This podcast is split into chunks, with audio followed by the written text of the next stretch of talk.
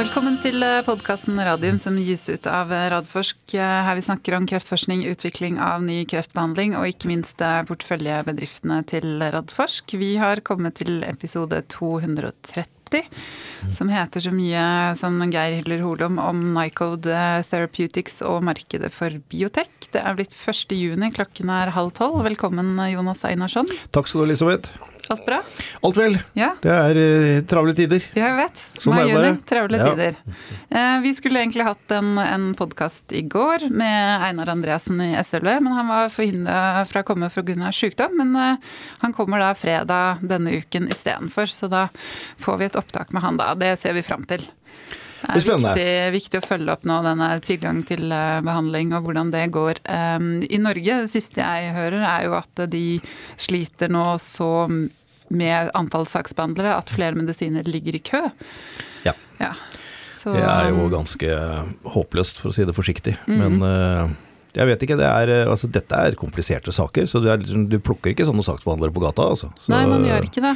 Du må virkelig ha kompetente folk som, uh, som forstår dette her. Men jeg ville trodd at de antagelig har et utdannelsesprogram som de har rekruttert folk til for flere år siden, og utdanner stadig nye saksbehandlere. Mm. Nei, de gjør ikke det. Nei, men det jeg vet er at de har mista mange medarbeidere gjennom, eh, gjennom pandemien. Og de mister mange kompetente medarbeidere til legemiddelindustrien. Ja. ja. Så ja. Det er, eh, men det blir spennende å høre hva, hva de De gjør sikkert noen grep, får vi håpe. Det får vi håpe. Så vi får eh, høre mer om det på, på fredag, som sagt. Eh, Og så er det veldig hyggelig å ønske velkommen til Geir Hiller Holom igjen. Tusen takk for det. Hyggelig å komme tilbake. Ja, Fremdeles biotek-analytiker i DNB. Ja, egentlig analytiker på helsesektoren, men, men det er jo mest biotek her i Oslo, så det er nok en passende beskrivelse. Ja, så bra. Det er jo mest det vi også er opptatt av her i denne podkasten. Men eh, vi skal snakke også litt makro om markedene nå også. Eh, Men det kan vi komme tilbake til. Vi kan ta litt eh, nyheter først. Det første vi kan se på, er at Onkoinvent har meldt at de skal presentere på ASKO. Presentere da data, interimdata er det vel fra fase 1-studien med Radsforin eh, på behandling av, da, av eh, kolorektal kreftpasienter, men da med spredning til eh, bukhulen. Ja, det er jo i bukhulen de, de behandler. Mm. det er, eh, og det er, eh, det er eh, veldig spennende å se. Eh, Det viktigste her er jo at eh, konseptet fungerer. Dette er jo på en måte noe som delvis har vært gjort før, men ikke på denne måten. Altså at man eh, tilsetter da et radioaktivt stoff som skal inn i bukhulen, eh, og ta seg av de kreftcellene som er igjen etter at de har gjort de store, veldig store operasjonene og fjerna kreft i, i bukhulen. Eh, Men vi vet jo at det alltid da er kreftceller igjen etterpå, enten det er enkeltceller eller om det er noen små eh, metastaser de ikke har funnet. Og det er det som er skummelt. Det er det som gjør at de får tilbakefall, og da er tanken at hvis man får en jevn spredning av dette radioaktive stoffet rundt i bukhulen, så vet vi jo at det dreper kreftceller. Eh, Så det er liksom ikke mm, det vi ser etter. Her er det konseptet med å sette inn at man har dette kateteret og pumpa som skal fungere på riktig måte, at det radioaktive stoffet sprer seg jevnt så du får bestrålt hele bukhulen, og ikke minst at det ikke blir såkalte hotspots. At det samler seg sånn klumper med radioaktivt stoff, for da ser vi at da det kan gi, gi bivirkninger og skade. Så her er det egentlig det de presenterer av biodistribusjon, for du kan ta sånne gammabilder av, eh, av dette. Eh, Og det blir spennende å se hvordan det ser ut. Absolutt. Og så la jeg merke til at det er jo da hovedutprøver på den studien. Stein Gunnar eh, Larsen, han jobber vel på Riksen, hvis ikke jeg husker rett feil. Som, eh, som skal eh, presentere. Så her har de jo fått en presentasjon, det er ikke kun en, en poster. Så det henger vel enda høyere, sånn som jeg har skjønt det på, på ASKO. Altså hvis det er, jeg har ikke fått sett på det, men hvis det er en oral presentasjon, så en muntlig presentasjon, så Yes. henger det svært høyt på, Ja. på ASKO. Og det er jo han personlig som har operert alle disse pasientene, og fulgt de opp uh, siden. Uh, og der har det jo vært Det er en studie som har gikk over all forventning i forhold til rekruttering og gjennomføring. Og det var ikke og svært komplisert i forhold til logistikken, for her er det både altså de som jobber med stråling på sykehuset, og så er det kirurgen i tillegg, og så da i samarbeid med folk fra selskapet. Men det har gått gått veldig bra. Så veldig spennende. Mm. Spennende å se, se data der. Eh, Stort, eh, stort behov. Vi kan gå videre. For så vidt ikke nyhet, nyhet, men det er jo en nyhet at eh, Ultimax har publisert data i Journal for Immunotherapy of Cancer. Men det, det er på en måte de samme dataene som de allerede har hatt en poster på på Heter det SIMT eller KIMT? Jeg blir alltid usikker. CIMT, hører jeg de sier nå, så ingen som blir enige om hva det, hva det er. Eh, Ja, nei, altså, Det er bare en, en bekreftelse på at eh, vitenskapelige miljøet syns dette er spennende data. At de først får en poster, og så får fart faktisk eh, det på trykk i en, en såpass høy impact-faktor-journal som denne. Så det, det er bra. Ja. Det viser jo da den, de lange immunresponsene på over 7,5 år, og også det at du får den eh, altså forhøya eh, effekten sammen med immunsjekkpunkthemmerne. Ja. Ja. Eh, og så til slutt, eh, Targovax har jo også da to poster på ASKO, men det har vi snakka om tidligere, mener jeg. Så Ja. det trenger vi ikke dykke noe inn, mer inn i. Men eh, vi kan da gå over til deg, eh, Geir. Eh, Det med at du er biotekanalytiker, eller også dekker helsefeltet, da, som du sier. Kan ikke du si litt eh, kort om hva det innebærer, og også hvilke selskaper du har dekning på? altså Dvs. Si de, de som du følger veldig tett, og også setter eh, kursmål og aksjeverdi på. Ja, gjerne det.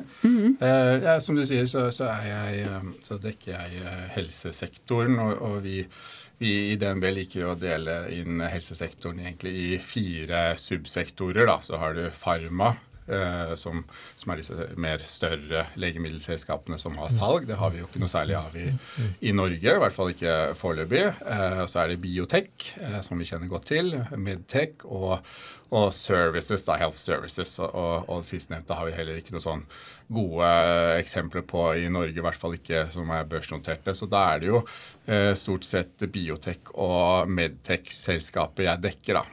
Og det er jo tech og tech, så, så det er jo selskaper som også har eh, fått gjennomgå litt eh, eh, den siste tiden, da, som, som, som vi skal snakke om senere. Um, men, men jobben som aksjeanalytiker går jo på å, å analysere disse selskapene og, og identifisere eh, gode kjøpskandidater, men også eventuelt eh, identifisere hvis det er noen som vi mener ikke er noen, noen gode kandidater. Da. Det er jo også en, en, en viktig del av jobben. Så, eh, og det går jo da både på i, i det daglige, men også ikke minst i forhold til eh, emisjoner og børsnoteringer. Og være med på å identifisere gode case der da, til, til kundene våre.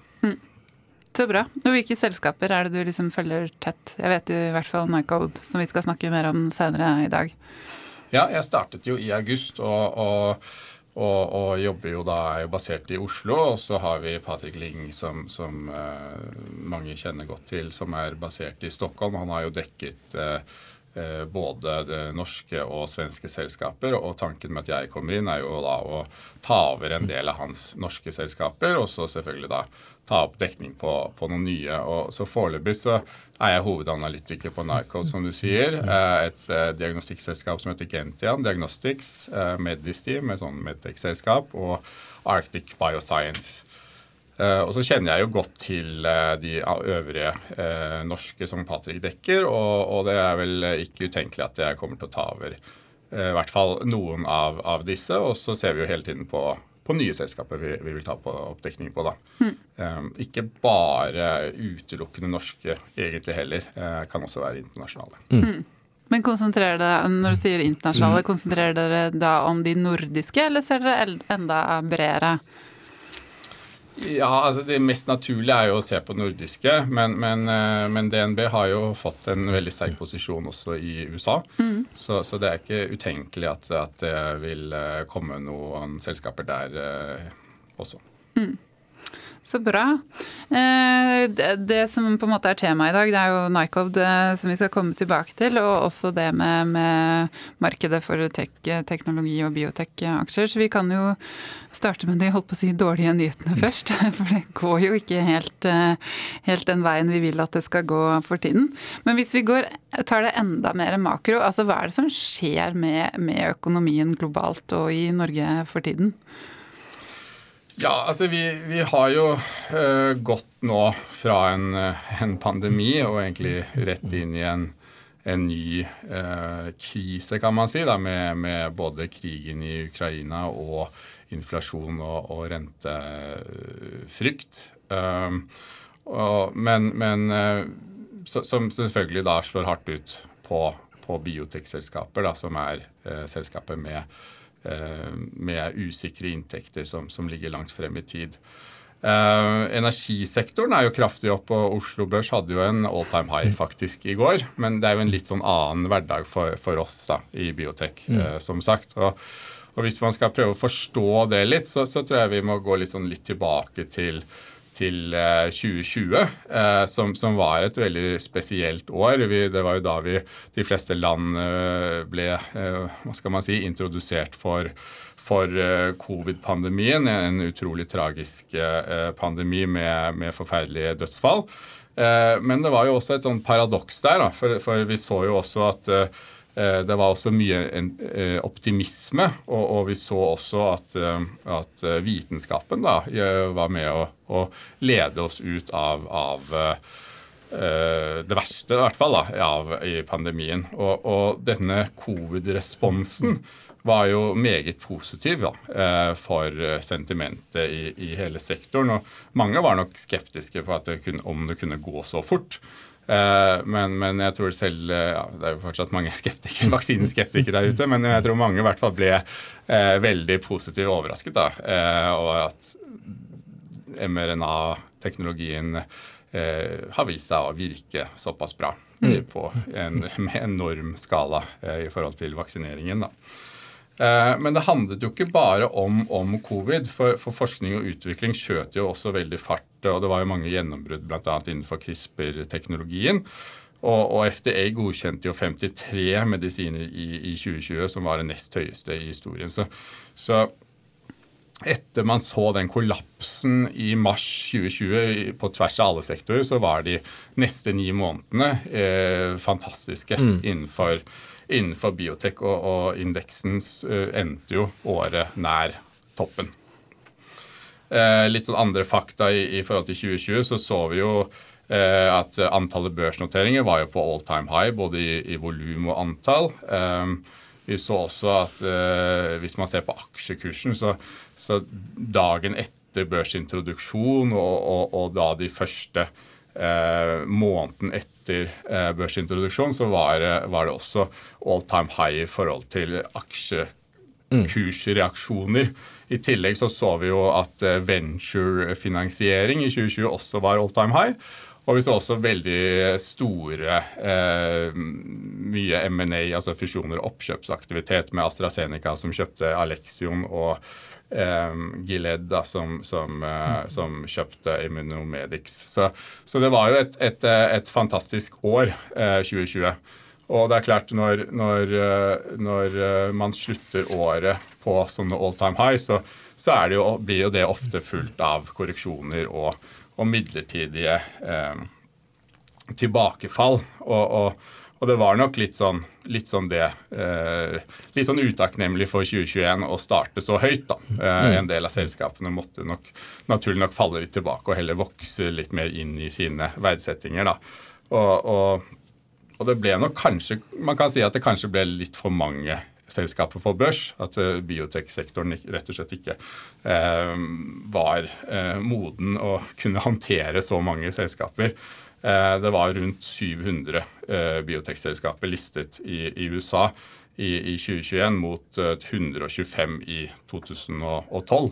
Mm. Så det er jo klart en, en, en veldig stor økning. Og, og, det man så også, var at mange selskaper ble jo børsnotert veldig tidlig, altså i preklinisk fase, som, som var, ville vært veldig unormalt hvis man bare ser kort, kort tid tilbake. Så, så og så så vi også da eh, i, i 2021 at, eh, at, eh, det var mye mindre M&A-aktivitet. Og det var nok fordi mange selskaper var veldig opptatt med covid. da. Mm, mm.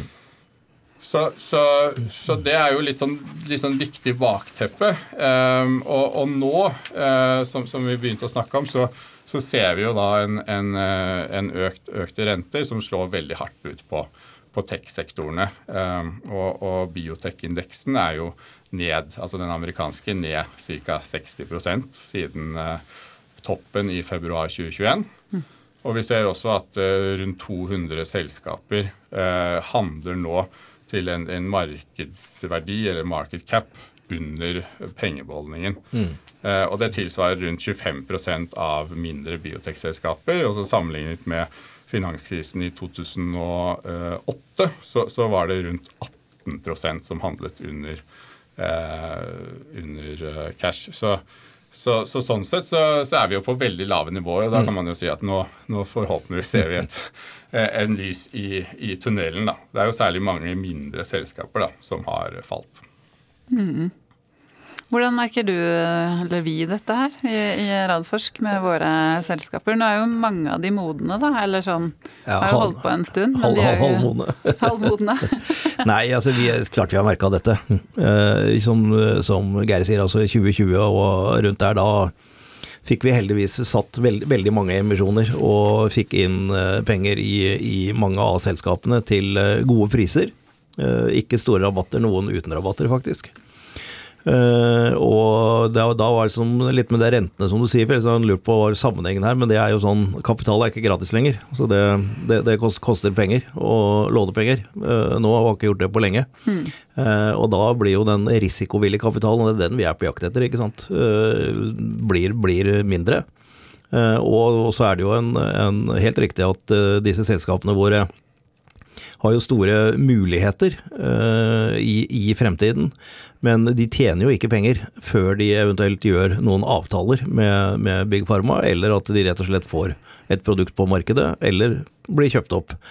Uh, og akkurat nå så er det veldig stille der ute. Det er veldig mye usikkerhet, og vi uh, er jo i kontakt med investorer fortløpende.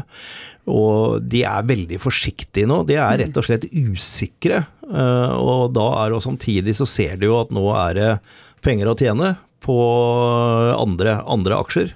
Uh, hvor det er som har, har inntekter, altså mer sånn uh, tilbake til der det liksom var litt før. Uh, og, og, ja, tenker du da energi, olje Energi og ja. olje, uh, og ikke minst eiendom uh, også, har jo vært mm. god investering egentlig stort sett alltid. så det har jo vært Men vi, vi hadde jo liksom et sentiment hvor veldig mange som var i eiendom, i hvert fall frigjorde en del av det og flytta det over i mer risikovillig kapital. Det var liksom, vi, vi tappa litt inn på det. Mm. Vi så jo at veldig mange av våre norske investorer også drev i eiendom.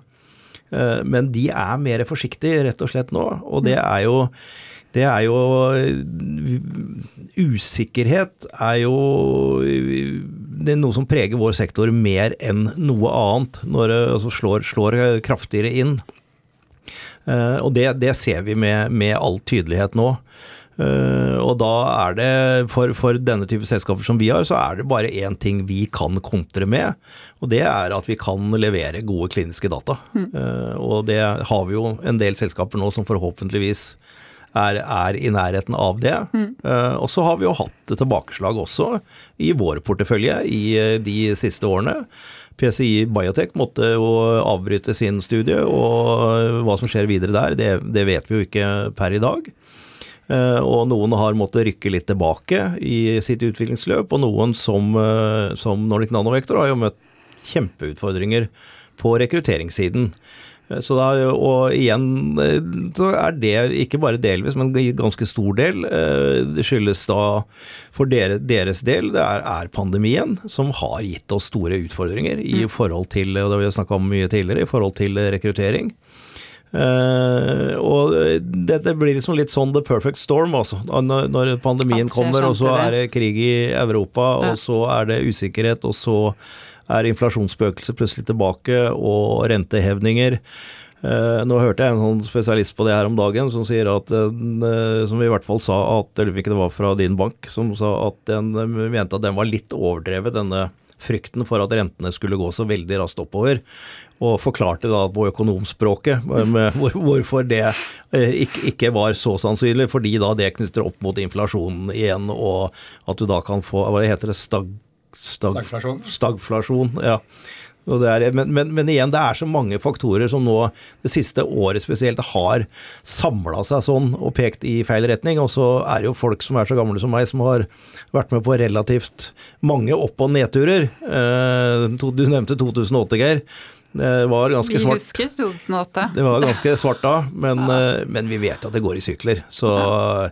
hvis man er langsiktig og, og, kan være med gjennom dette, men eh, det er ikke lett å si for en investor som har investert store og betydelige summer for den investoren i selskaper som plutselig detter 50-60-70 mm. det, da, da, hjelper ikke, og da er trøsten med at du må være langsiktig, den er ganske dårlig. altså. Så nei, det er eh, Jeg er jo en ev, evig optimist. Jeg, så jeg har eh, sagt tidligere at jeg tror bioteksektoren kommer til å stige som en full føniks opp av asken, og det tror på det. det ja.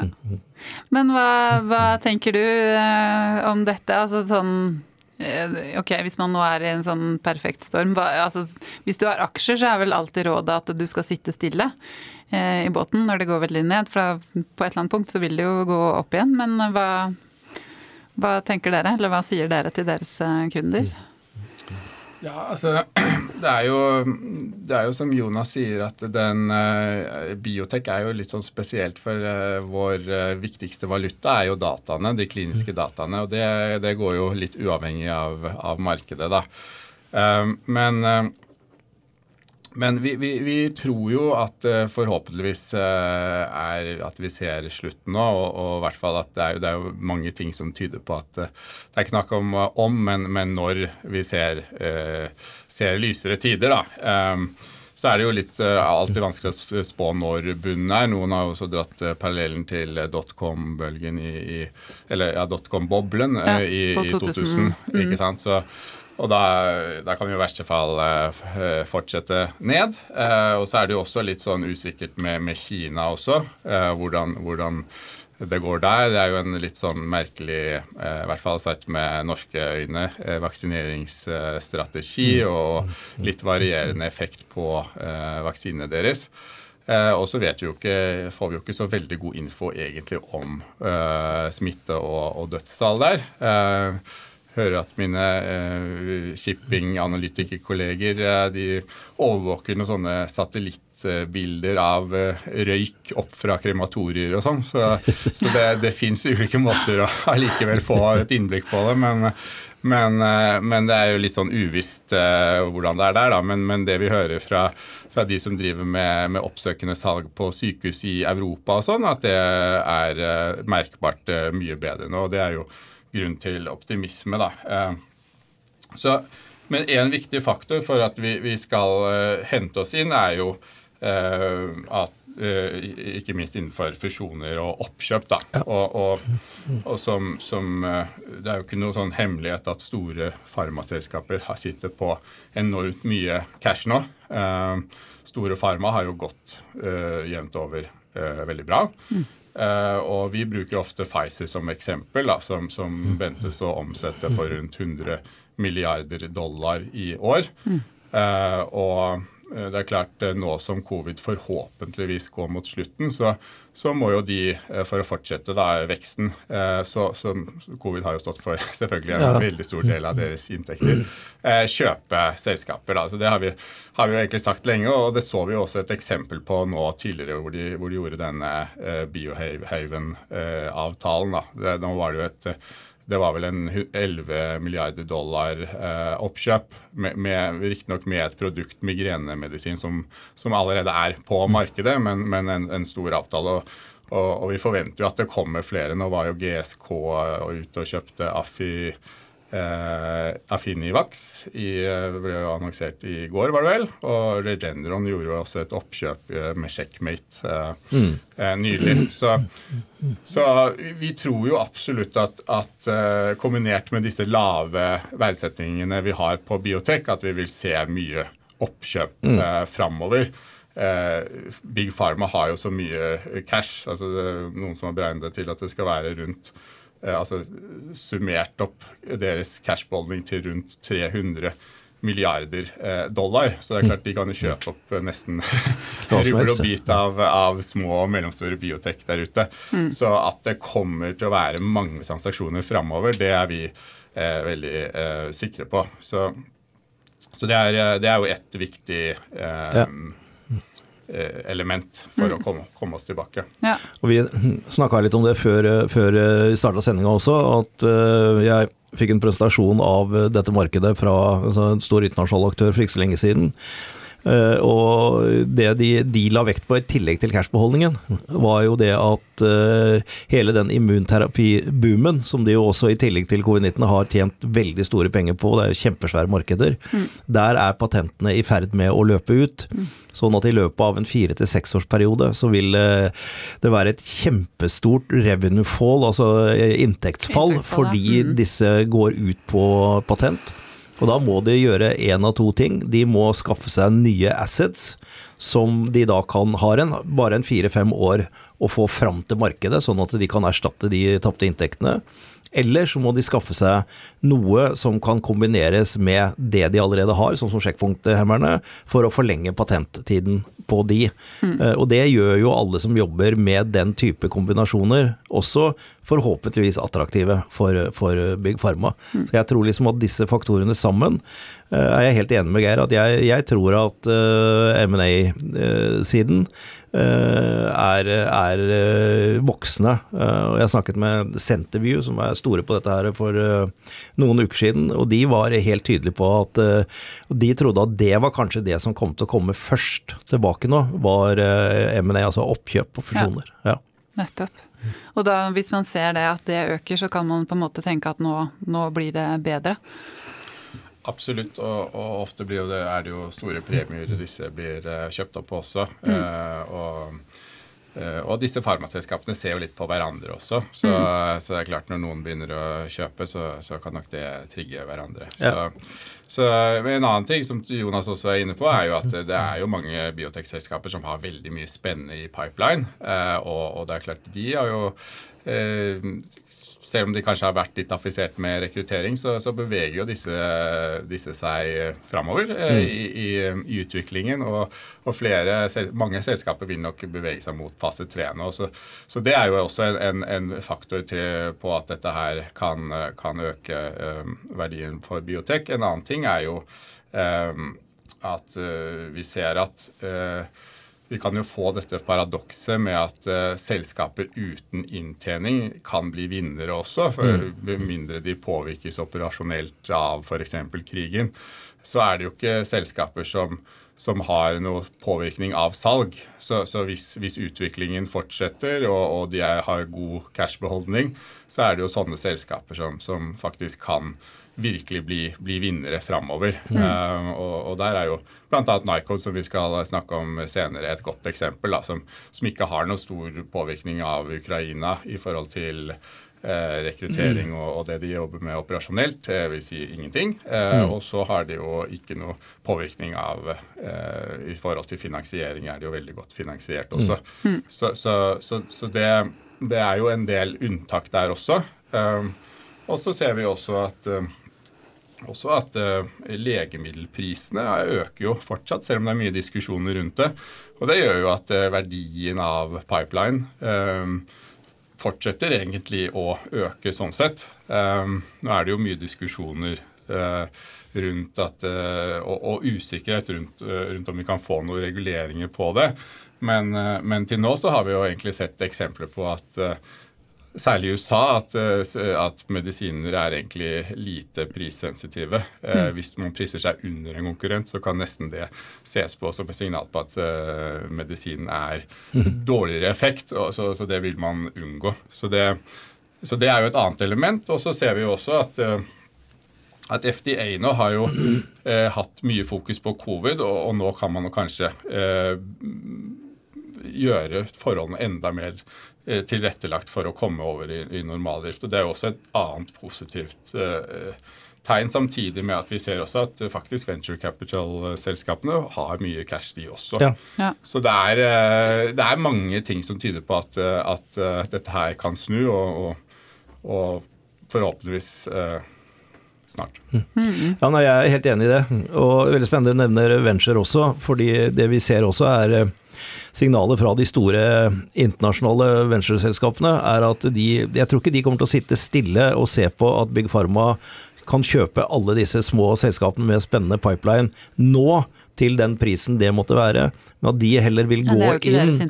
Nei, at de heller vil gå inn og funde selskapet opp til en mye mer moden fase, og så eventuelt da dele gevinsten med å kjøpe, bli, bli kjøpt opp på Big Pharma. Så jeg ser for meg at det kan bli litt sånn konkurransesituasjon mellom venture og Big Pharma, og at man da i et sånt selskap må liksom velge også. Vi har en mulighet til å bli kjøpt opp nå, men vi har også muligheten til å sikre en funding i mange år fremover. Med, og, og dette, de, de store internasjonale spesialistinvestorene der, de er da klare til å funde helt fram. Sånn at da, da, da vet Big Pharma at de, de kan ikke sitte og vente på at de, blir, at de sulter ut disse små selskapene, for det er jo faren. Eh, hvis du leverer gode kliniske data, og du ikke umiddelbart skaffer deg den runawayen med, med cash som gjør at du selv kan ta det helt frem, så vil Big Pharma bare sitte og vente på at du blir sulta ut. Uh, og da- da blir det et, et billigoppkjøp, selv om det heller ikke er det Big Pharma ønsker seg. De ønsker ikke å fremstå som sånne haier som sitter og venter på, eh, på å sulte ut et selskap, og så kjøpe det for en slikk og ingenting. Fordi de er jo også avhengige av å ikke ødelegge økosystemet.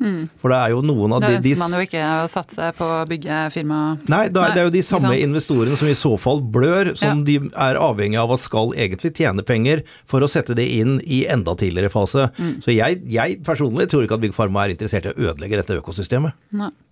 Men um, nå, nå hadde jeg plutselig veldig mange spørsmål. vi får ta, ta ett av gangen. Det med legemiddelpriser, som du sier, det, det er interessant. For det, vi har jo ikke lyst til at de skal bare bli, bli høyere og høyere. I hvert fall ikke i en situasjon hvor man ofte kombinerer mange forskjellige eh, altså legemidler. Ehm, så det, ja, den, det der, der er, jo- er jo noe man må løse på sikt. Altså, det er jo en evig diskusjon vi har her i, i Norge med, med prising, men det er jo ikke bare i Norge, det er jo egentlig overalt. Ja, nei, det er en, det er en evig diskusjon, og, og som du sier, eh, kreftbehandling har jo gått eh, veldig mye mer mot kombinasjonsbehandlinger. Eh, og så mm, når man skal da det, Som igjen da selvfølgelig gir utfordringer i forhold til prising, hvis eh, det kan fort bli veldig dyrt. eh, veldig mye penger. Um, og, og det er klart Vi kjenner jo alle til hvordan dette fungerer. Eh, De fleste legemidler eh, lykkes jo ikke, så, så når man endelig får et produkt, så skal jo det selvfølgelig dekke, og, eh, dekke inn kostnadene og, og profitt til, til selskapet. Men, men, eh, men det er nok en eh, det er jo også litt interessant dette med patenter. Da, at Man rett og slett, eh, man kommer i en veldig spesiell konkurransesituasjon hvor man egentlig kan eh, til en viss grad uh, utnytte det også. Eh, så nei, det er en interessant eh, debatt, og er, det er jo en evig diskusjon. som Ja, sier. må, må i hvert fall få opp noen avtaler på noen alternative pris, prismodeller da. Eh, Men, men så um, Det jeg også lurte på, altså hva, hva er det neste store man da kan vente? Altså Vi er jo mest eh, opptatt av, av kreft. Er det da liksom, nå, nå har vi disse sjekkpunkthemmene, og de, de fungerer veldig bra, men, men vi ser et behov for at de fungerer enda bedre.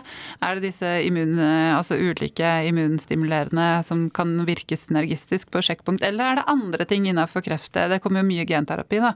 Det er jo også, men er det andre ting vi kan vente oss? Og hva med andre sektorer? Hva, altså Innenfor nevro så er det jo massevis av sykdommer man helst skulle sett en behandling på.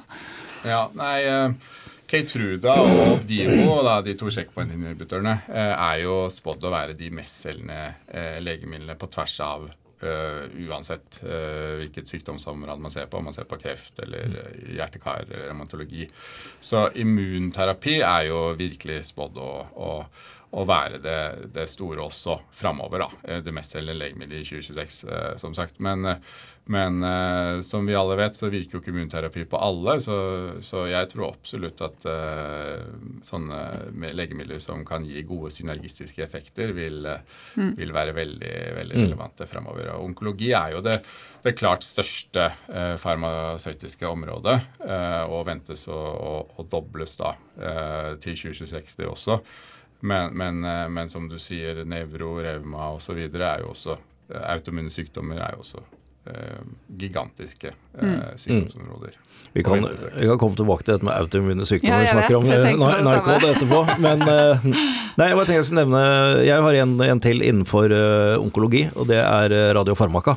Ja. Uh, som uh, det nå er ganske mange av de store Novartis, Bayer, Pfizer også, tror jeg nå, hvis jeg husker riktig, jeg er litt usikker på det, men i hvert fall de andre, som eh, virkelig ser på det som et satsingsområde. Altså den moderne formen for eh, radiofarmaka, hvor du virkelig målstyrer eh, den der hvor du kjører strålingen din. Og, det, og der er jo vi i Norge har vi nå i ferd med å, å bygge opp, også i tillegg, si, i tillegg til Roy Larsen og Øyvind Bullon, en, en ordentlig sterk gruppe på Institutt for kreftforskning her på sykehuset. Jeg hadde møte med de senest i går.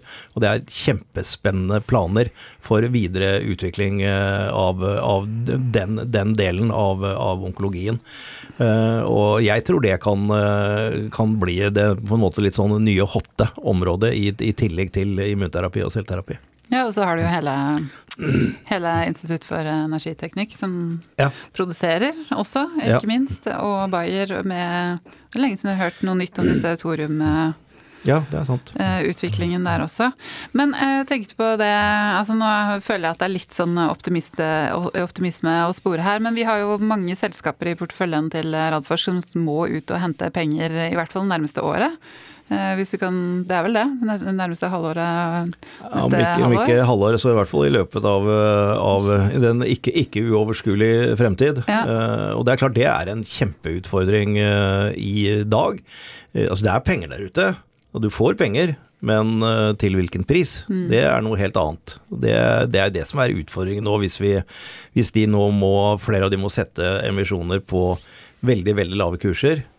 Eh, så kommer det sikkert inn eh, større investorer som er eh, interessert i å ta et sånt bet, men da sitter det igjen en skog av mindre og halvstore investorer som virkelig har tort å satse på dette her hos oss, og blir vanna ut til omtrent null i så fall. Det, det er en kjedelig utvikling hvis det, mm. hvis det skjer. Så forhåpentligvis så så klarer man å holde ut sånn at det kanskje blir et litt bedre instrument i, i, markedet, og kan få litt mer, kall det litt i gåsehudene, fornuftige eh, emisjoner, da. Mm.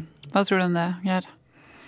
Ja, nei, altså det, jeg er enig med Jonas. Det er eh, det er jo utfordrende tider nå, og så, så, ser vi jo forhåpentligvis lys i tunnelen nå. Eh, økt risikovilje forhåpentligvis er til vei tilbake. Eh, og og, og, men, men, det vil nok være litt sånn forskjeller fra selskap til selskap. da. Den, som sagt, den, den viktigste eh, valutaen er jo dataene. Eh, og så er det jo litt sånn forskjeller eh, i forhold til hvordan eh, selskapene er. Og, og vi har jo Hubro f.eks. Som, som representerer noe nytt. Vi var jo nylig på sending her og har en veldig spennende mm. teknologi. Og, og, og, sånne selskaper, da, kombinert med et annet selskap, uh, Situation, som, som, er lokalisert på Haukeland, som også representerer noe nytt, er det nok uh, relativt stor Eller er det stor interesse for, vet jeg. Mm. Uh, og så har du jo Nordic Nanovector, som, som, som, da måtte akseptere en ganske stor rabatt på den pensjonen i, i januar, og, og det er nok litt sånn selvfølgelig både markedet, men også litt sånn eh, det vi kaller investor fatigue. altså det er litt mm. sånn, Folk er litt sånn slitne. Eh, og, det er forståelig også når det har, har, har, dratt ut så langt i tid. På den gode siden så er jo de nære målstreken, forhåpentligvis. Så, ja. eh, også, så, så PCI Biotech er jo Eh, et annet selskap som, som eh, vi har sett uh, veldig gode prekliniske data på. Så det er ikke tvil om at, at, det er stort potensial der. Og så har det jo vært litt Hva skal man si Hatt litt stang ut da, mm. av ulike årsaker. Og, og, det er jo også en, et selskap som, som da kanskje vil ha litt sånn utfordringer nå som, som Jonas sier, har en Eh, veldig lav eh, markedsverdi, og, og, da er det ikke noe så veldig sånn, hyggelig å være aksjonær der per nå. Men, men eh, vi får se. Kanskje de drar opp noe av hatten. og, mm. og eh, så, så, det blir jo spennende å følge de. Eh, men eh, ja, jeg er optimist, jeg. Ja. Sånn all over. Så bra. Men da, da, passer det jo bra å snakke om uh, Nycode, for der tror jeg vi alle er, uh, alle er, optimister. Og i hvert fall vi var veldig begeistra og veldig imponert etter ja. kapitalmarkedsdagen deres og, og, det de presenterte der. Eh, hva, hva, er ditt inntrykk derfra? Ja, jeg, jeg er enig. Det, det, er alltid gøy og, og, spennende å høre på hva Nycode gjør. det var jo litt sånn som forventet på en måte at de kom med disse livmorhalsdataene. Eh, de setter jo kapitalmarkedsdagen eh, selv, så eh, det er jo dumt å invitere masse folk uten at de har noe nytt. Og de dataene, hvis vi begynner med de, så, så syns vi jo de, vi at de var gode. De behandler jo en veldig vanskelig pasientgruppe. Eh, ned mot uh, altså Pasientene hadde holdt opptil fem behandlinger tidligere. Uh, og det er klart har, du en, har, du en, avansert kreftform og, og, feilet fem behandlinger, så har du ikke gode sjanser. Mm. Så det sier jo litt om, om, om, hvor vanskelig disse pasientene var. Og, og, og sånn sett så syns vi at disse dataene var, var veldig oppløftende, og at vi absolutt fikk de tegnene, vi, de signalene vi, vi, ønsket på at dette her virker. Da. Um, så er det jo alltid vanskelig å sette uh, Det vi ønsker, er jo å sette resultatene i kontekst med, med andre selskaper uh, og, og, kunne uh, sammenligne. og så er det jo egentlig sånn det vi ser der ute. altså I sånn fase to så er det noe ofte man nesten ser selskaper som med bevisst eh, Sier ikke at det gjelder Nycod, men, men bevisst eh, eh, setter opp et, et, studie som gjør det nesten vanskelig å sammenligne med andre. Rett og slett fordi mm. man ønsker å Og, og mer, litt mer under radaren kunne liksom få testet om dette virker, og så kan man eventuelt justere litt i en, en senere fase. Men, men, i den grad vi kan sammenligne her, så, så, så er det jo den Pembro- studien som, som, da er godkjent på PDLN positive, så, så hadde jo da Narkod en, en bedre overall survival og også effekter på PDL negative. Eh, bedre effekt eh, også var det jo hvis vi ser på monoterapi med atesolizumab, som var en annen studie. Så, så, så, sånn sett så er jo det veldig oppløftende i forhold til at, at VB1016 gir en, gir en god synergistisk effekt med checkpoint inhibitor. Um, så har vi jo identifisert tre eh, selskaper som har legemidler som, som hadde en, eh, kan rapportere om en, en bedre OR. Eh, men, men, på alle de så, så behandler de en, en, enklere pasientgruppe målt i antall eh, behandlingslinjer de har fått tidligere. Og, og, igjen, det har jo veldig mye å si. og mm. Det var jo det også Kristina Lindemann påpekte på kapitalmarkedsdagen, at om noe så skulle hun gjerne komme tidligere inn i, mm. i behandlingslinjen. og og Det er jo noe Nycode eventuelt kan eh, få endret i en senere fasestudie, da, hvor du setter mer restriksjoner hvor mange linjer de kan ha hatt tidligere. Det vil jo ja igjen kunne uh, gå utover rekrutteringen, at det kan bli vanskelig å rekruttere, men, men, det er jo noe som selskapet må vurdere. Mm. Uh, en annen ting vi så, var jo at det var en veldig mild eh, bivirkningsprofil, som er veldig viktig på disse syke pasientene. Og, og en av de konkurrerende eh, legemidlene som vi har identifisert, Seattle Genetics, de har jo en, en mye mer eh, heftig bivirkningsprofil. Da. Så Sånn mm. sett så, så syns vi absolutt at dette her var eh, det vi håpet på eh, mm. i, i, forhold til, til dataene. Så, mm. så vi syns det var bra. Mm. Men da må jeg spørre deg, fordi det med bivirkninger altså det er jo kjempeviktig. Men ja. altså, effekt kontra bivirkninger, altså, hvordan vurderer Nei, altså, man det? Den der, der er kinkig. Jo, men uh, når det gjelder uh, tilleggskombinasjoner til, uh, til sjekkpunkthemmere, mm. så tåler man i utgangspunktet veldig lite bivirkninger. Fordi det er så mye bivirkninger på de i utgangspunktet. Mm. at det du legger til i tillegg til sjekkpunkthemmerne, det bør egentlig ha du bør egentlig ha en bivirkningsprofil som er tilsvarende den du ville fått med sjekkpunkthemmer alene. Ja. Og hvis du tilfører noe særlig mer enn det, så tror jeg at klinikerne vil kvie kvise ja. for å utsette pasientene for, for eh, enda mer. Mm. Selv om du da har noen prosent mulighet for at det virker bedre. Men hvis du kan prøve noe som kan heve responsraten, øh, og gi en bedre overlevelse, og som ikke gir ekstra bivirkninger, så tror jeg det er et veldig viktig poeng. Det er eh, nettopp det med, med Nycod som er viktig å bite seg merke i, og, og selv om jeg er styreleder der, så sier jeg det likevel. Det gjelder akkurat, akkurat det samme med UV1 for uh, Ultimovax. Vi er veldig opptatt av at pasientene ikke skal få mer bivirkninger enn de ville fått. Uh, så langt, av de studiene som har vært åpne, så ser det sånn ut. Men igjen, det er ikke noen randomiserte studier, men det kommer jo resultatet på ganske kjapt. Et annet poeng som Geir tok opp der, som også er veldig viktig, det er det med de, med, med de som ikke uttrykker eh, PDL-en. Eh, hvis du nå klarer å, med at du, du, får en sånn synergistisk effekt med at du booster i tillegg til å fjerne bremsen, mm. kan faktisk få effekt også på de, så er det en tilleggseffekt som er viktig. Mm. Så bra. Eh, hva syns du var det mest spennende av det de presenterte?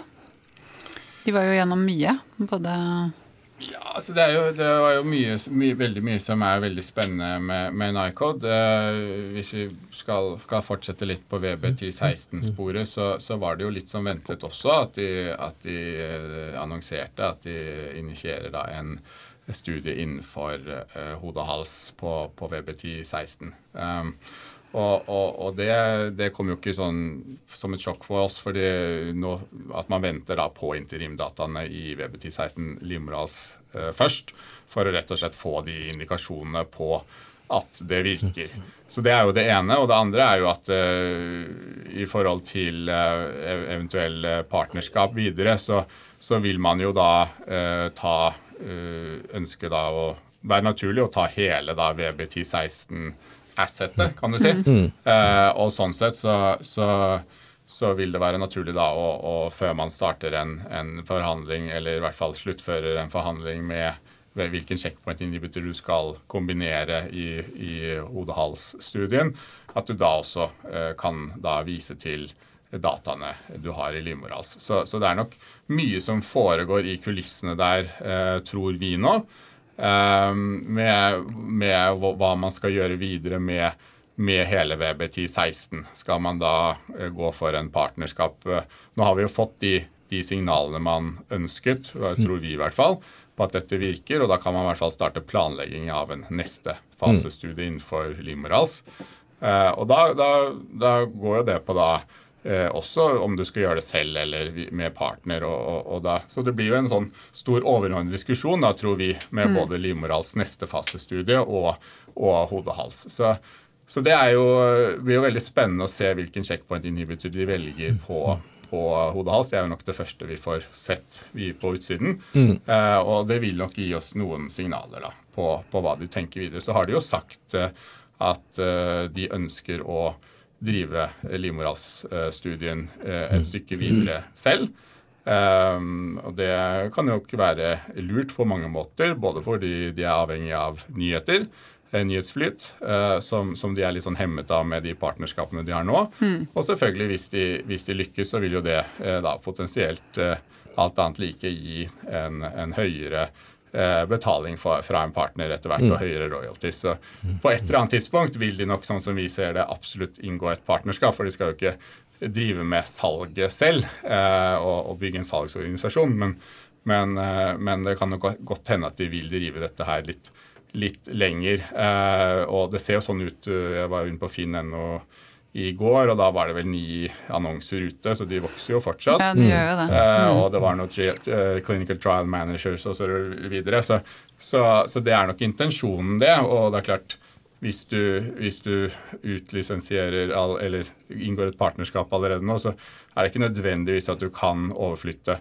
alle ressursene eh, til andre steder. Det er nok en del som er Eh, planlagt inn i ulike roller, men, men, at et partnerskap er på bordet også, det tror vi jo. Mm. Mm. Så det blir veldig spennende å, å se. Mm.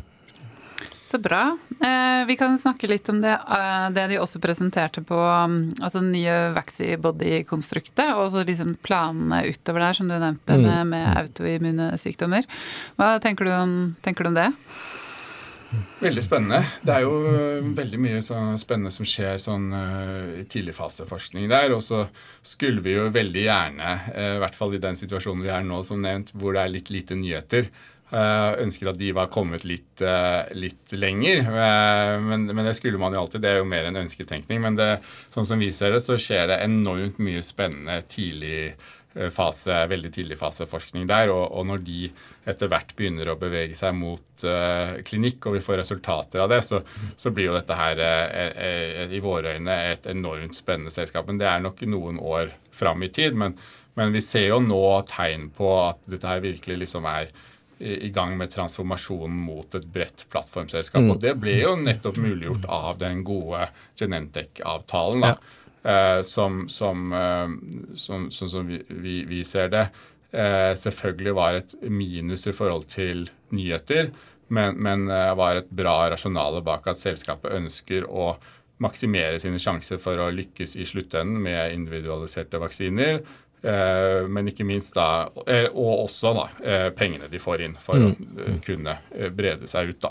Mm. Og det de lærer på veien. da. Jeg kunne snakket mye om det også, men vi ser jo virkelig at Genentech er jo inne og snur hver stein her og stiller med et stort team. og Uh, Genentech vil jo aldri snakke negativt om noen partnere, men sånn som vi ser det, så, så er jo Nycod De har jo sett Biontech sine data, de har sett Nycod sine data. og det, Eh, er jo, de er jo i en sånn unik situasjon der. Det er jo ikke noen andre som har gjort det. Og vi ser jo at de eh, virkelig prioriterer Nycode, og det er jo noe av dette som gjør oss veldig veldig entusiastiske. da. Det skjønner jeg, og det har jo også Agnete sagt eh, flere ganger når hun har vært her i podkasten også. Altså hvor mye de lærer eh, ikke sant, i disse partnerskapene, og hvor mye de får igjen for det internt hos seg. Altså hvilken kompetanseheving de har blant sine folk. Da. Så det er veldig mm. Ja, nei, Jeg er helt enig med, med Geir. Eh, er også enig i at mye av det nye spennende er i veldig tidlig fase, men vi ser jo også at eh, det er absolutt mulighet til å gjøre avtaler på tidlige faser, hvis det kommer noe veldig nytt og veldig spennende. Mm. Uh, og det jeg personlig syns kanskje er noe av det mest spennende, det er det de driver med innen autoimmune sykdommer. Vi har altså Det er jo et kjempeproblem uh, over hele verden. Uh, og vi har ingen behandling for autoimmune sykdommer. Vi behandler kun symptomer. Og det er rett og slett at immunsystemet vårt er ute av lage.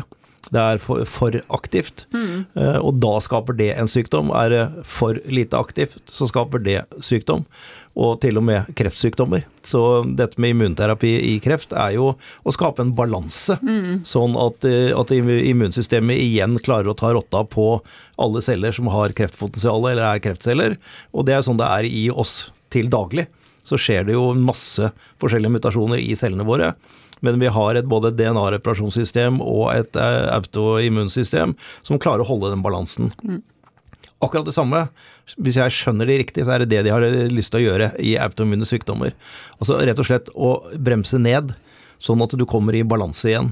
Og hvis du gjør det nå, Det er jo det vi gjør nå, men vi gjør det jo med medisiner med prednison og steroider og andre ting som gir et hav av bivirkninger. Ja.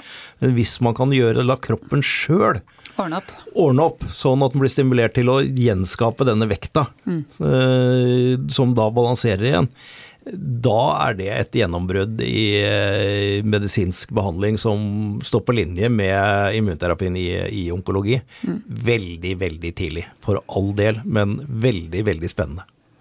Jeg er helt enig. Det er, det er veldig veldig spennende. Og, og, som du sier, hvis de skulle knekke den koden, som mange har forsøkt i flere tiår, så vil jo det være en, en sensasjon. Og, og, og, og, jeg vil i hvert fall si at de har gode forutsetninger da, eh, for å, å, å gjøre og, klare det. Eh, sånn, hvis du sammenligner med, med i hvert fall mye annet der ute, så, så ser det i hvert fall lovende ut. Og så er det jo en veldig lang vei eh, fram fortsatt, men, men fordelen med, med, slike vaksiner er at de kan komme relativt raskt til klinikk. Eh, og så ser vi jo at, eh, at, så tror vi veldig på vaccibody-proteinet, for det, den targeting-uniten har vist seg veldig Eh, veldig god for å identifisere svake antigener, og, ikke, også, og da også svake autoantigener. Uh, og vi tror jo også at deres kapabiliteter innenfor individualiserte vaksiner vil også på sikt være uh, nyttige. For, for, selv om det er store sykdomsgrupper, så er det også en ganske sånn heterogen pasientgruppe. og så blir det jo spennende å se om, om kanskje den andre generasjons vaksinen, eller fourth module, vil være da den første kandidaten blir innenfor autoimmune sykdommer mm. der. for mm. VB10-16 og sånn, det vil jo drives videre i nåværende form, men, men som et, et, et seriøst uh, biotekselskap så handler det jo hele tiden om å fornye og forbedre seg. og, og, og det som uh, blir bra om noen år, er, blir etter hvert utdatert. Så det er, nok, det er, jo veldig spennende å se at det hele tiden skjer, skjer utvikling der. da. Så nevnte du jo MS, eh, trakk frem der og, uh, som et eksempel. Og, og, og, det er klart, det er jo en, en, et eksempel på, på hvor stort potensial mm. dette her kan være. Nå skjer det jo veldig mye på akkurat MS-siden. da Nå var det jo en norsk, en norsk forsker, Kjetil Bjørnevik på, på Harvard, som, som nylig påviste sammenheng med, med eh, MS og Epstein-Barr-viruset, som man har mistenkt lenge, men, mm. men, men nå fikk, fikk, enda mer svart på hvitt. da. Og det er klart, eh, akkurat MS der, vil, der er, jo, er, det jo Hvis man klarer å finne en preventiv vaksine mot Epstein-Barr-viruset, så, så, kanskje ikke MS på, på lang sikt er, er, det beste eksempelet. Uh, men, men, det er jo mange andre Men den er nok uansett ikke løst, da, og det er mange andre, andre uh, autoimmune der ute. Uh, og, og, jeg tittet litt på det uh, her om dagen, og, og, og, det er jo et selskap som, har gått, som går den veien nå med å forsøke å, å, finne en vaksine på Epstein-Barr-viruset. Og det er jo mm. selvfølgelig Moderna. Så, så det, er, det, er, det, er, det, er, veldig mye som skjer, da. Mm. Så det er veldig mye spennende der ute. Og, og, og Nycod har jo også veldig gode forutsetninger for å gjøre det samme innenfor infeksjon. Da. Så det er, det er mye muligheter. Mm. Ja, og det var jo det som i hvert fall jeg syns gjennomsyret også denne kapitalmarkedsdagen. Altså, de er jo så fremoverlente. Eh, ikke sant? De forteller om alt de har, og de forteller så solid om det. Og Agnete sier at vi skal være innovativt selskap på alle mulige måter. Og de ønsker samarbeid, så de er veldig tydelige på hvordan, på hvordan de ønsker å, å posisjonere seg, ja. rett og slett. Så det, ja, nei, det blir kjempespennende å følge. Um, det, det, kursmålet du har satt på Nycov, på 102 kroner. Um, har du justert det etter kapitalmarkedsdagen? Eh, nei, vi har hatt kursmål på 102 siden vi tok opp dekning i, i, desember. Og vi mener at det står seg godt uh, fortsatt. Vi har jo Mye av diskusjonen vi har med investorer, er jo hvor mye verdi skal du legge på plattformens potensial. Og der har vi vært Eh, sånn sett eh, litt eh, mer konservative og, og, og, inkludert da kun vaksiner som er i en klinisk utviklingsløp. Så man har litt mer å regne på. Og, og siden vi ikke har hatt noe verdi på covid, så er det jo i gåstein bare individualiserte vaksiner og VBT16 som, som vi har inkludert. da. Og, og, og, covid, eh, at vi ikke har med det, så mener vi fortsatt står seg eh, godt. Eh, og så når det kommer til VBT16, så hadde vi jo da en likelihood of approval på, på 20% som er litt høyere enn, enn det vi ser sånn statistisk sett fra en fase 2-studie.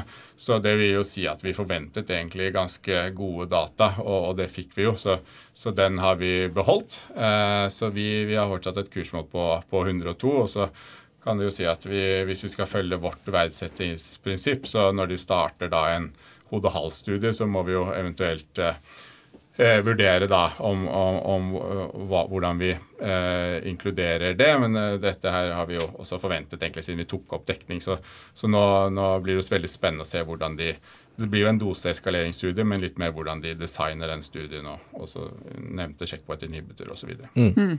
Hva, hva er grunnen for at dere holder eh, koronavaksinene deres uh, utenfor? Nei, altså, er det sånn påvente av data? Nei, egentlig ikke. Vi har troa på eh, teknologien innenfor covid. Vi, vi mener nå dessverre at de kommer litt for sent eh, i gang. Eh, vi, tror, vi syns det er veldig eh, bra at de støtter selskapet at de har gått inn i covid-utvikling, for det vil da gi et veldig bra proof of concept. da innenfor infeksjon. Nycod mm. har jo veldig mye lovende prekliniske data, så har vi jo ikke egentlig eh, noe særlig kliniske data, og i hvert fall ikke på infeksjonsområdet. Så, sånn sett så, så, har jo etter vår mening Nycod gjort det helt riktig med å gå inn på, på covid, fordi det vil jo gi en veldig bra proof of concept. Det er mange selskaper som har gjort det samme, fordi nettopp fordi man har veldig gunstige regulatoriske forhold som gjør at de har kunnet komme raskt i klinisk fase, og potensielt også raskt gjennom de ulike kliniske fasene. Og de har jo også fått støtte fra Forskningsrådet for å, for å gjøre dette. Nå er det jo litt sånn andre regulatoriske forhold nå enn det var sånn helt i starten, da Biontech og, og Moderna eh, eh, kom. Men, men, så, men, men så, så den T-cellevaksinen er jo veldig, veldig spennende. Men, mm. men, men, igjen, vi, vi, vi syns det kommer altfor sent til uh, inn, altså, Vi ser ikke noe sånn stort kommersielt potensial per nå, da. Mm. Og det er klart, uh, nå, nå rekrutterer de jo en fase 1-studie, og det er rundt 100 og til 150 ulike vaksinekandidater i fase 1, fase 2, fase 3 der ute. Og så har du ca. 30 vaksiner som allerede er godkjent eller har nødgodkjenning. Så, så, så vi, vi, klarer ikke å regne hjem noen sånn kjempestor verdi på det. Eh, og i hvert fall ikke sånn som pandemien ser ut akkurat nå. Men uh, det er mange som har brent seg på før. ikke si det.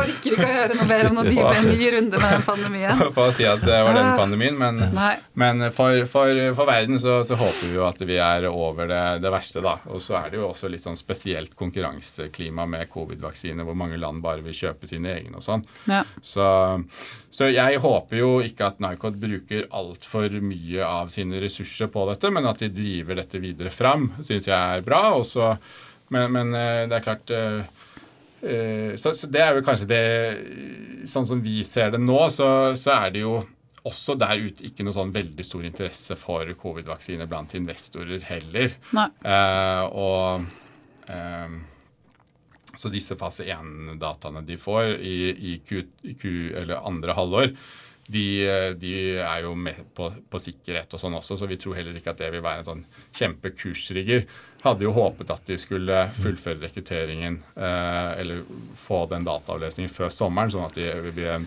eventuell, ny bølge til høsten. At de var klare for et nytt studie. Men, men, der har de eh, surret det litt til med rekrutteringen, ser det ut til. da. Men, men de har jo hatt litt, litt, uflaks også med at de kom akkurat inn i omikron. Eh, det ble jo introdusert eh, disse to kandidatene i, i november, henholdsvis desember. og Det var jo akkurat da omikron kom, og som, eh, som selvfølgelig kompliserer rekrutteringen. Eh, også i forhold til at mange mm. tok en tredje dose det tidsrommet også. Så, så, men det er klart, det, det, man, må, man, må, komme videre i, fra en fase én snart, skal, tenker jeg da. Ja. Det, men jeg har jo akkurat skrevet, jeg har skrevet en artikkel om den utprøvingen der og snakket med de hovedutprøverne. og de, ja, det var, Hva var det de sa for noe? Verdensrekord i sånne rekkeendringer. Fordi de hele tiden måtte følge ikke sant, nye retningslinjer. Og, og, bare det at de skulle rekruttere inn folk som ikke hadde fått korona. Kjempevanskelig når det plutselig alle fikk eh, korona i, i januar-februar. Mm. Alle de ansatte fikk korona også, så det, det der har ikke vært noe lett studie for dem.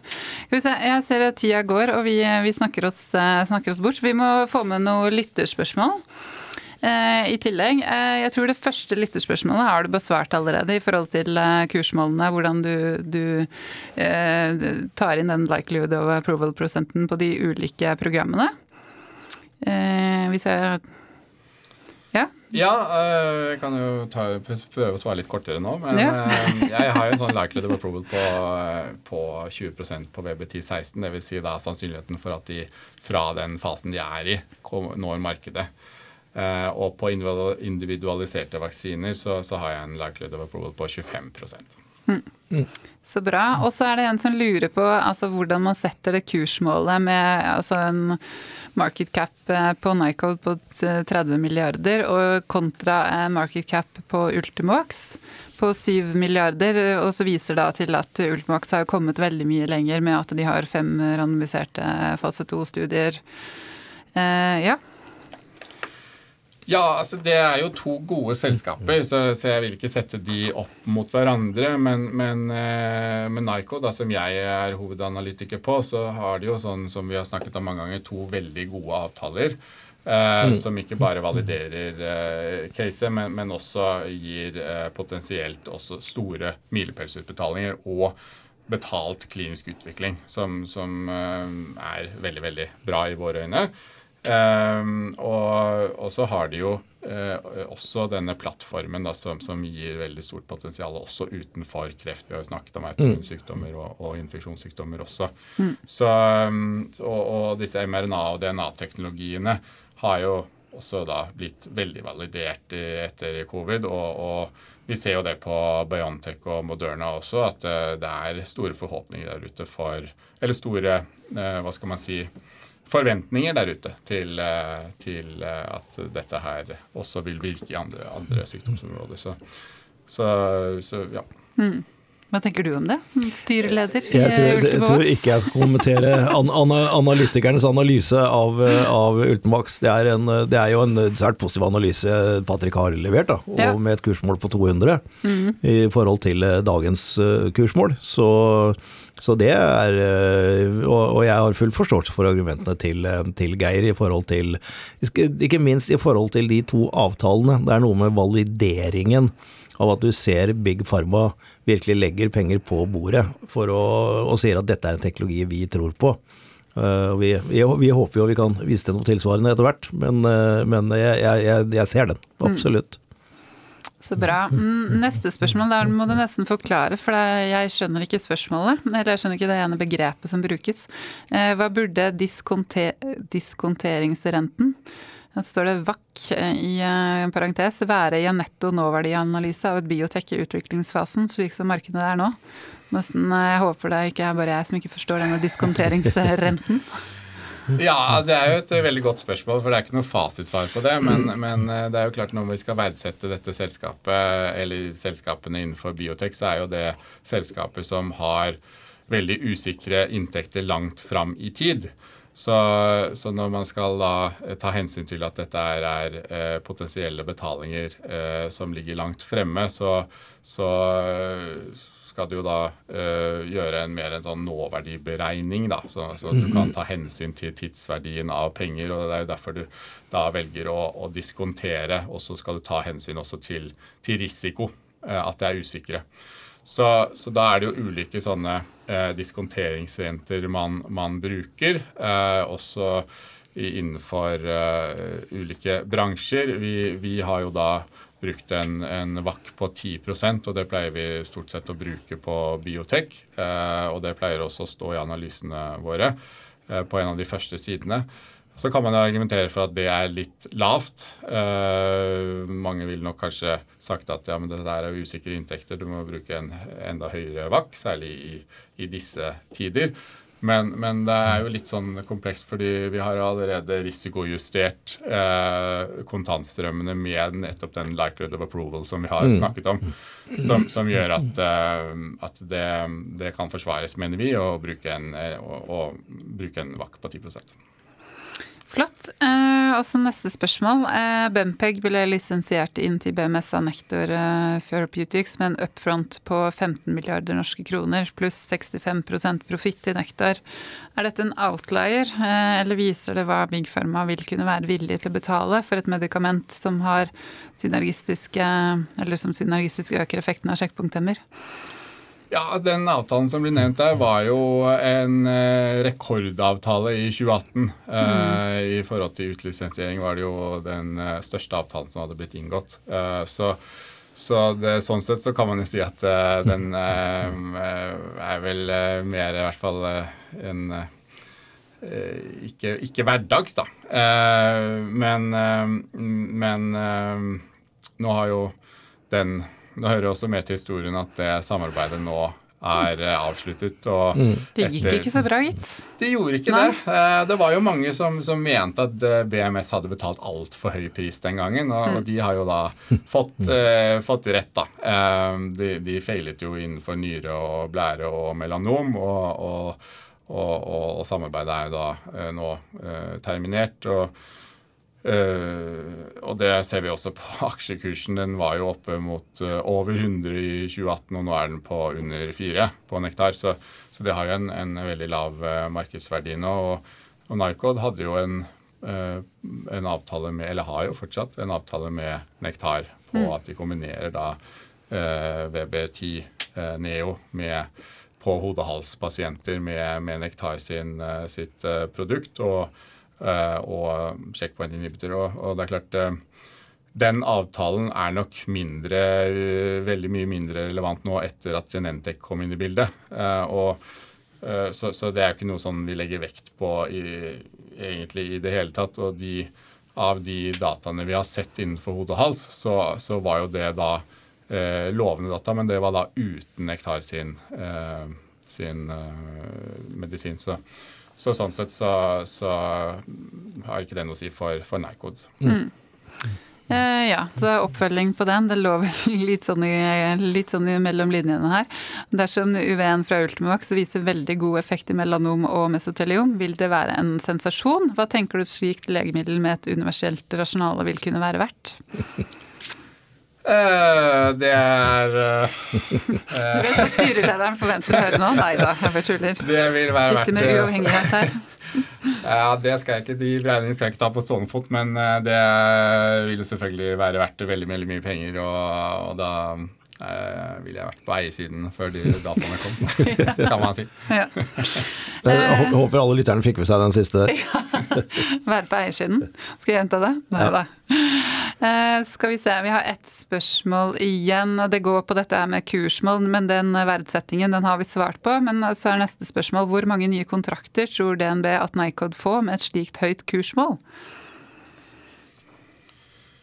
Um, jeg vet ikke om helt det mer. Altså, og hvor mange kontrakter som ligger inne i, som Litt. basis for den kursmålet. Ja, uh, ja. ja. Uh, vi tolker det sånn.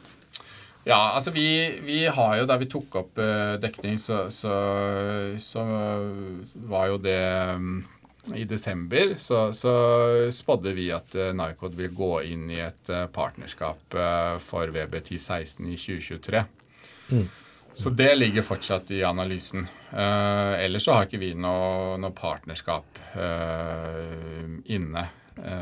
men det betyr ikke at vi ikke tror at det kommer partnerskap. men, men men har et, utelatt, etterlatt det som en sånn oppside til caset. der. Vi tror jo at, at Narcod er i kontinuerlig dialog med, med partnere. Mm. Eh, og som du også har sagt, Elisabeth, at de, de er, eh, hvis de finner en, en, en god match, så, så, så, er jo det absolutt noe de vil eh, gå videre med. og så, Ellers så har de jo også en organisasjon som som uh, virkelig er rigget for å drive produkter og, og, og, kliniske studier framover mm. selv. Så um, ja. Mm. Ja, for det, det, sa du vel også på kapitalmarkedsdagen, at de var oppe i 142 ansatte nå. Så hvis det ligger ni annonser ute på Finn, så da kan man mm. jo De fortsetter å rekruttere voldsom fart, så det blir veldig spennende. Men supert. Tusen takk for at du var med oss i studio igjen. Det var veldig morsomt å gå fra makro mye ned på mikro, som mye handler om bransjen vår. Jeg skal bare nevne her til slutt at vi, vi skal jo på Arendalsuka, som vi pleier. Eh, og da skal vi ha med oss eh, Mikael Ensig, som er da administrerende direktør, CEO i eh, Nycode. Ja. Så det, det, blir veldig gøy. For de som ikke er i Arendal, så kommer vi jo til å strømme møtene våre derfra direkte. Så det gleder vi oss til. Det gjør vi. Det blir spennende. Eh, neste uke så tar vi oss holdt jeg på å si, fri, men vi er jo tilbake igjen på fredag. Og så uka etter det så skal vi ha en dobbeltpodkast, og det, det Da er det lov å ta en onsdag fri. Det gjør vi. Ja. Takk skal du ha. Hei.